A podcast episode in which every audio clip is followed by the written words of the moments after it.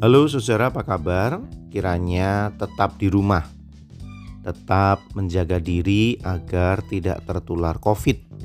Dan kalau harus keluar rumah, maka saudara harus pakai masker dan double ya.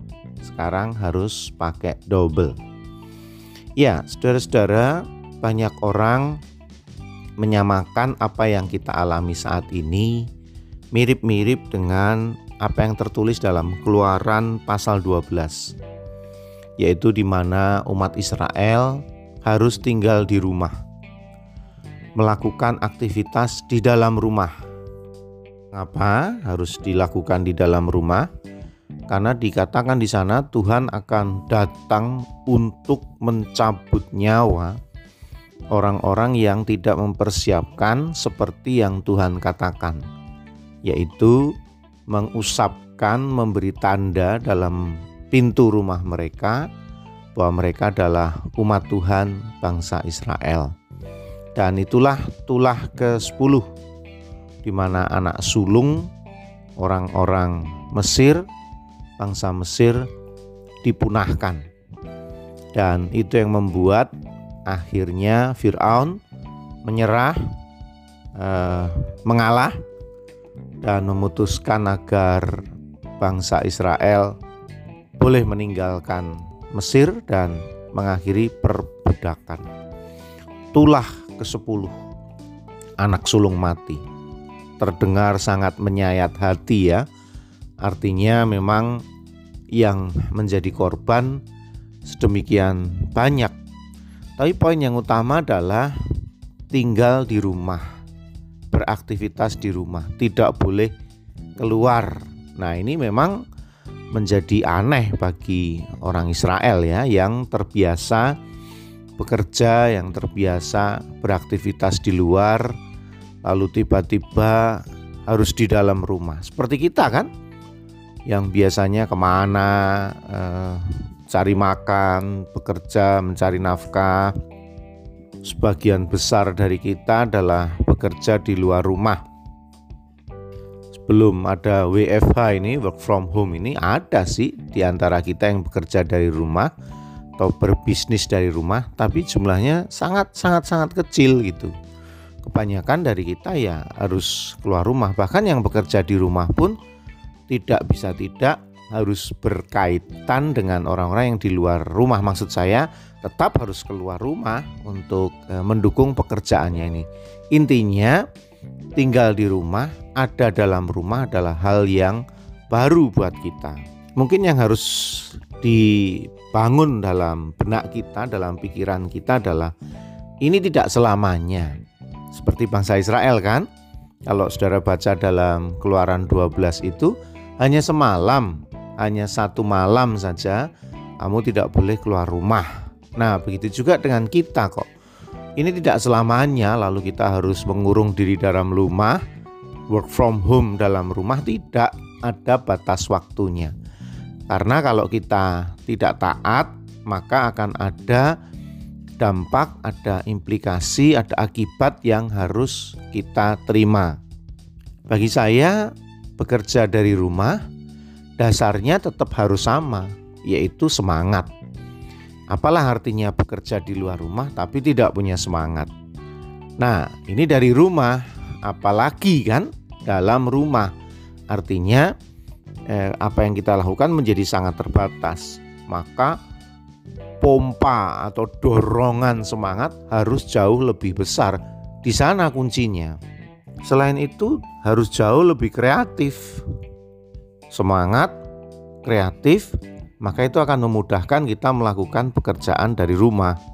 Mungkin saudara berkata, tapi ribet loh Pak, biayanya makin bertambah. Coba bayangkan, data, telepon, pulsa, eh, internet, semuanya harus lancar untuk mendukung pekerjaan. Saya mengerti, saya sangat memahami pergumulan itu. Tapi apalah artinya kita bisa bekerja di luar rumah seperti biasa di tengah-tengah pandemi dan virus yang seperti ini, lalu kita tertular dan tidak seperti yang kita harapkan. Kemudian kita tidak bisa bekerja lagi untuk selamanya karena menghadapi kematian. Menurut saya, mari kita paksa diri ini untuk menyesuaikan keadaan ini. Hidup baru atau kebiasaan baru yang memang berbeda. Saya betul-betul berharap kita beradaptasi dengan keadaan ini dan terus berdoa bahwa ini segera lalu, segera lalu, karena kita semua dibuat repot akan keadaan ini. Berdoa dengan sungguh-sungguh, tapi sekaligus mendukung solusi yang sudah disediakan para ahli dengan sungguh-sungguh. Semangat bekerja dari rumah. Saudara, saya akan mengakhiri renungan ini, renungan emas, dengan kebiasaan baru juga. Apa itu? Saya ingin mendoakan saudara-saudara. Banyak hal kita harus doakan, tapi kali ini saya mendoakan kepada saudara yang harus bekerja di luar rumah, yang tidak bisa di rumah. Para perawat, anggota kepolisian, pemadam kebakaran, nakes, dan lain sebagainya. Mari kita dukung doa untuk mereka. Tuhan, kami harus bertahan di rumah, walau itu sangat tidak nyaman. Untuk itu, Tuhan, beri ketahanan kepada kami, beri kekuatan dan kesabaran kepada kami. Kami ingin sekali segera melewati ini semua, maka kami harus melakukannya dengan taat, dengan tertib, dan melakukan seluruh aktivitas dari rumah. Beri kami kemampuan, Tuhan, untuk membiasakan dan beradaptasi hal ini. Namun, di antara kami ada yang harus, harus tidak bisa tidak, memang bekerja di luar rumah. Mereka terancam, Tuhan, sangat beresiko tertular. Untuk itu, beri kekuatan dan berkati, beri daya tahan agar dalam perlindunganmu saudara-saudara kami ini dapat mengerjakan tugasnya dengan baik. Pengorbanan mereka tidak sia-sia. Beri kerelaan pada keluarga mereka untuk terus mendoakan dengan sungguh-sungguh agar saudara kami yang ada di lapangan ini jerih lelahnya betul-betul bisa menjadi berkat dan jerih lelahnya dihargai sedemikian rupa. Ini permohonan kami, ini harapan kami, ini doa kami. Dalam nama Tuhan Yesus Kristus, kami berdoa. Amin.